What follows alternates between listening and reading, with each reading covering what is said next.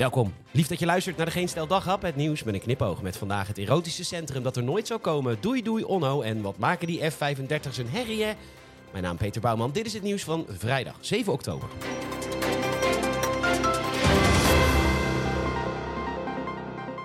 Als het aan burgemeester Femke Halsema ligt, dan komt er dus een erotisch centrum in de stad van liefde, hoop en verdraagzaamheid Amsterdam. En in dat erotische centrum is er ruimte voor kunst, cultuur, burlesque shows en inclusie. Oh ja, prostitutie.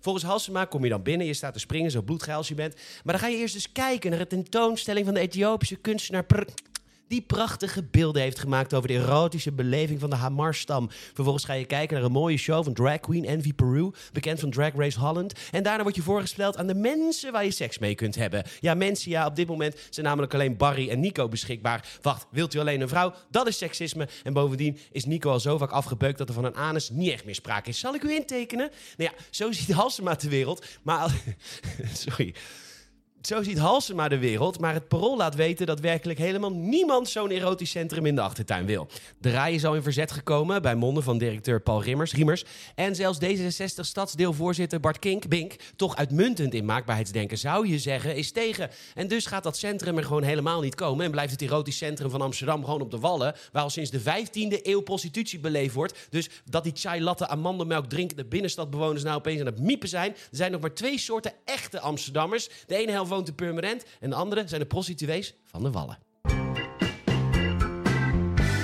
Hoera, hoera, de macht van de VVD lijkt een beetje af te brokkelen. En zelfs wel vaker gebeurt dat van binnenuit. Want Rutte wilde graag dat Onno Hoes, bekend van tv, de voorzitter van de VVD zou worden. Maar dat is Erik Wetsels geworden met 68% van de stemmen. Hij wil graag, ja, het is echt super nieuw hoor. Het is echt heel, Heel gek nieuw, out-of-the-box, moodboard conceptje. Luisteren naar de mensen. En wat blijkt nou? Dat vinden de mensen dus best wel fijn. Hij krijgt de taak om de opvolger van Rutte te zoeken, zodat hij klaar staat als Rutte 6 is uitgeregeerd.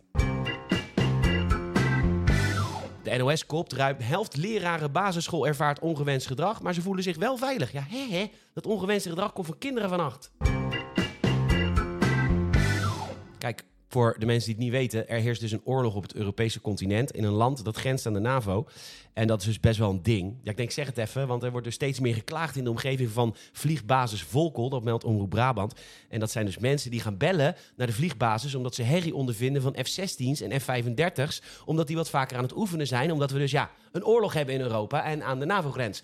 De vraag wordt gesteld of klagen wel nut heeft. Nou, niet echt natuurlijk. Maar wij stellen voor dat we alle klagers op een lijst zetten. En mocht de oorlog dan hier komen, dat we dan die mensen niet verdedigen met onze jachtvliegtuigen. Een no-fly zone boven al die klaaghuizen.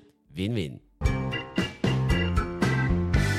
Bedankt voor het luisteren. Je zou enorm helpen als je iemand vertelt over deze podcast, mond-tot-mond reclame. Je kan ook een Apple Podcast review achterlaten en dat kan ook via Spotify. Nogmaals, bedankt voor het luisteren en tot morgen.